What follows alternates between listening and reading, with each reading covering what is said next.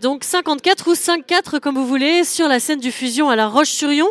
On est toujours euh, la soirée des Inouïs pour le, printemps de Bourges. Et donc on écoute, c'était le quatrième groupe de cette soirée. Reste deux. On est toujours, euh, donc vous nous écoutez toujours soit sur Graffiti Urban Radio pour les, Vendéens. Euh, si vous êtes du côté de Nantes, vous nous écoutez sur Stun, sur Prune ou sur E-Radio. Si vous êtes sur Angers, vous êtes sur Radio G, parce que ça rime. Euh, du côté de Laval, vous êtes sur l'autre radio. Et à Pornic, vous êtes branché sur Jade FM. Euh, il nous reste donc, on a dit, deux, Deux groupes, qui sont Ils sont, alors, Philemon, c'est euh, la Nantaise qu'on écoutera après. Donc, c'est de, c'est de la chanson. euh, Enfin, elle est en catégorie chanson. C'est quand même à cheval avec euh, la pop ch- et électro. Chanson électropop. hein. C'est vraiment En parce qu'il faut choisir un style, quoi. On a bien, on a bien compris que les, les- les frontières étaient un peu floues maintenant entre les styles de chansons. hein. Les- Voilà. Les, artistes, ils aiment pas trop qu'on dise en fait. euh, On n'aime pas les étiquettes ici. Voilà, c'est ça. Oui, mais ce qu'on a appris tout à l'heure euh, dans les interviews, c'est que euh, voilà, quand ils s'inscrivent, voilà, il faut qu'ils donnent un style.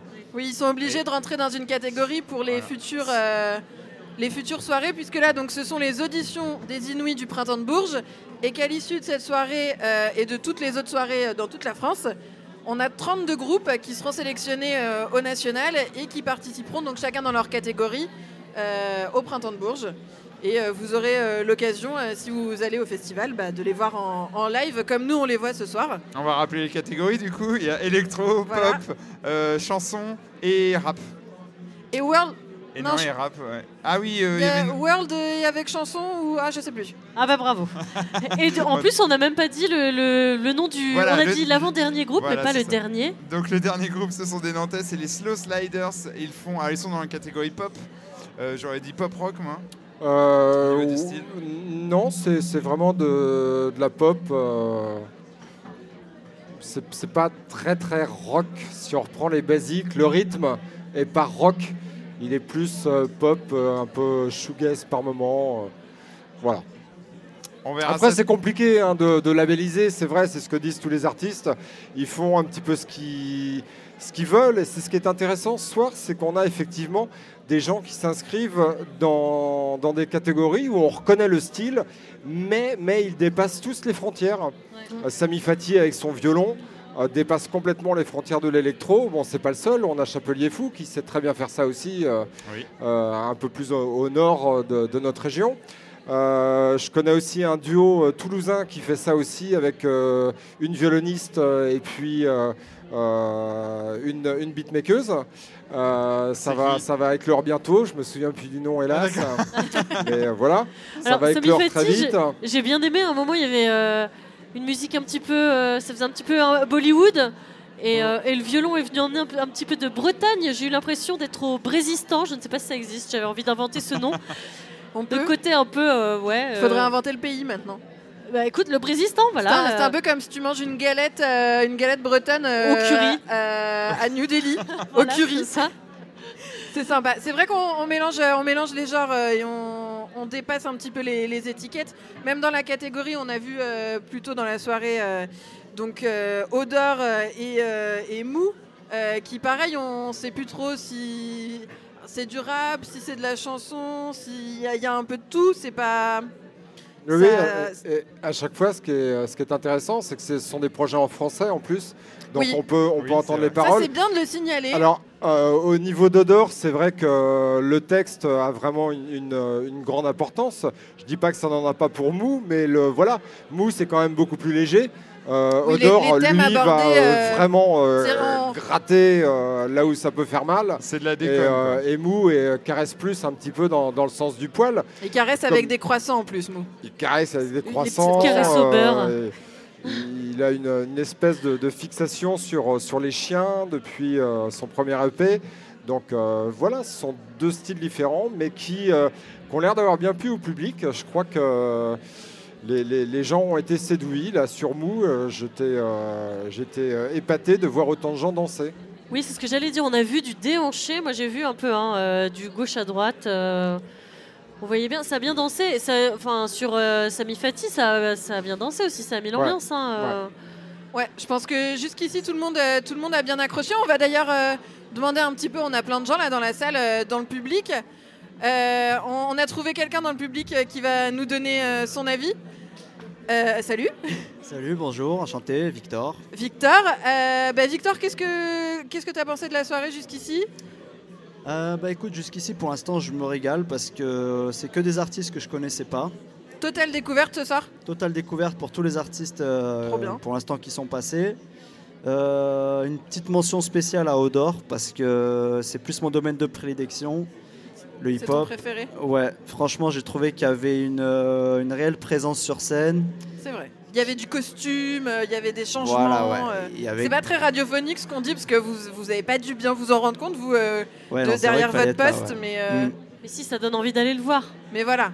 S'il Ouais. a la chance d'être sélectionné, euh, vous pourrez aller le voir au printemps de Bourges. Ouais, tout à fait. C'est un artiste d'ailleurs que moi je vais, euh, enfin direct que je suis allé checker sur euh, Spotify, YouTube. Pour aller suivre un peu. pour aller voir un petit peu parce que je connaissais pas du tout et j'étais d'ailleurs assez étonné de pas de pas connaître parce que je suis un petit peu au courant de ce qui se passe mais là j'ai pas j'avais pas entendu parler de lui d'ailleurs j'ai pu un petit peu discuter avec lui à la fin du, du concert aussi et ouais non vraiment c'est voilà moi c'est l'artiste qui m'a le plus marqué pour l'instant dans la soirée ouais.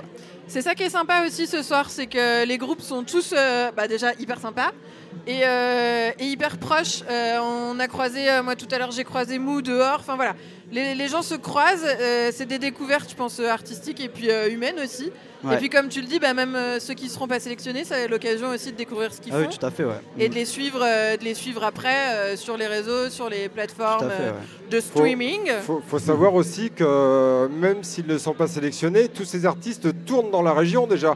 Oui, Odor était il y a euh, deux semaines euh, avec Rezinski, que tu dois connaître, euh, d'Angers aussi, oui euh, au Ferrailleur à Nantes. coin. euh. Ouais, moi je suis pas du, je suis pas de la région ouais. donc c'est pour ça que ils, je ils- les faut. ils font le tour des salles euh, dans, dans- dans la région de toute façon. Euh, Mou est régulièrement en concert aussi, il sera à Lille euh, bientôt. Donc euh, de toute façon, ils ont déjà leur petite carrière, en sachant que les Inouïs, effectivement, c'est un gros booster, là, pour monter des tournées cohérentes sur toute la France, et puis qu'ils puissent partir pendant euh, euh, trois semaines, un mois, un mois et demi, avec une, vraie tournée, un vrai tourneur, et trouver aussi des gens qui vont les accompagner sur le long terme, un label, euh, et, puis, et puis surtout un booker, un bon booker qui va leur permettre de faire leur métier euh, sur la route.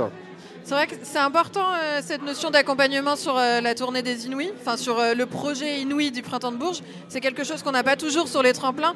Là, ils le disent vraiment, il y a un vrai accompagnement des artistes et c'est l'occasion, même s'ils ne sont pas sélectionnés, bah, d'améliorer leur pratique, d'avoir des conseils de pros sur, bah, sur leur son, sur leur scénographie, sur leur présence sur scène, etc. Donc je pense que c'est une, une vraie belle expérience pour eux. Après, on sent aussi, là, en les voyant sur scène, euh, euh, ils n'ont pas tous la même expérience et, et ils n'ont pas tous la même, euh, la même vie. Je veux dire, il y en a qui en vivent euh, et il y en a qui, qui font autre chose à Ouais. côté. Mais on sent quand même qu'il y a de la bouteille sur scène. Oui, Euh, ils sont là, euh, ils maîtrisent leur projet, c'est très ils ont carré. une identité. Enfin voilà, c'est vrai que les, les, les Inuits, ça leur permet après de développer ça, mais, mais déjà quand ils sont sélectionnés pour être là, ici, c'est déjà sur une identité, sur des projets propres, quoi. Oui, il y a déjà un gros écrémage puisqu'il y a beaucoup de projets qui arrivent tous les ans. C'est quand même un des plus euh, gros tremplins, un des tremplins les plus prestigieux en France si on veut faire découvrir euh, son projet musical, euh, quel que soit le, le- le style musical justement. Et je crois que c'est une belle opportunité pour eux après, juste pour tester l'eau. On les découvre, mais eux aussi, euh, ça leur donne l'occasion de découvrir leur public et puis de- de- d'essayer de, l'élargir, justement euh, par le fait que Victor, eh ben, tu aies découvert ce soir tous ces groupes. Euh, Ouais. Ça n'a pas de prix pour eux non plus, qu'ils Ouais, soient sûr, sélectionnés ou pas. Là, du coup, euh, eh bien, Odor, ils ont gagné euh, un nouvel auditeur.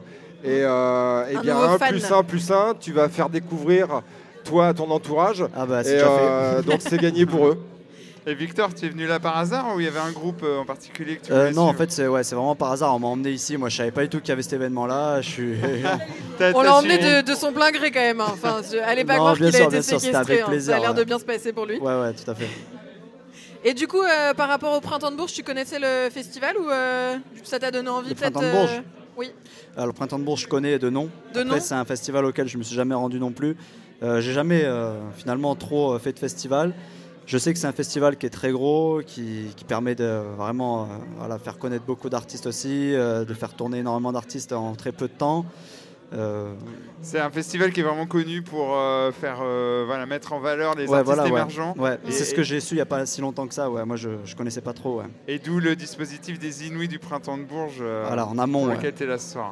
Voilà, Là, tu tout vas tout connaître par cœur maintenant. à peu près. Eh ben, merci euh, de Merci Bah, je vous en prie. témoignage de spectateurs de cette soirée. Bah, je vous Et, remercie. et du coup, sur ce que tu as vu, sur les groupes que tu as vus, donc il y aurait Odor de sélectionner, si tu devais en sélectionner deux là, sur les quatre qu'on a vus. Euh, alors, bah, pff, 54. Je, je trouve que. T'es très, euh, très hip-hop. hein. Ouais, al- alors après, euh, j'ai- été étonné de voir que Mousse était euh, intitulé comme euh, un artiste pop. Alors Oui. pour moi, c'est du hip-hop à 100%. Je suis assez, Ah oui. assez d'accord là-dessus. Ah ouais, pour moi, c'est du hip-hop, clairement. Je, je c'est l'imaginais pas euh, dans cette c'est catégorie. différent, c'est plus du sample, c'est c'est moins. euh, Enfin, comment dire C'est vrai qu'il y a un côté un peu plus underground, un peu plus euh, à l'ancienne, si je puis dire. Mais pour moi, c'est du hip-hop complètement. Mm. Et euh, il a un univers qui est beaucoup plus. euh, pour moi, c'est du rap un peu cruising, c'est-à-dire que tu écoutes vraiment dans ta caisse. c'est vrai que là, sur scène, ça avait une dimension différente. Euh, mais euh, voilà, pour moi, c'était du hip-hop euh, à 100%. Et 54, voilà, pour moi, ce serait ouais, plus Odor et 54 que je sélectionnerais plus par euh, voilà, la dimension musicale que j'ai préférée. Mais euh, Mou en troisième, quoi. Voilà. Bon, on verra, si je devais faire un classement, quoi.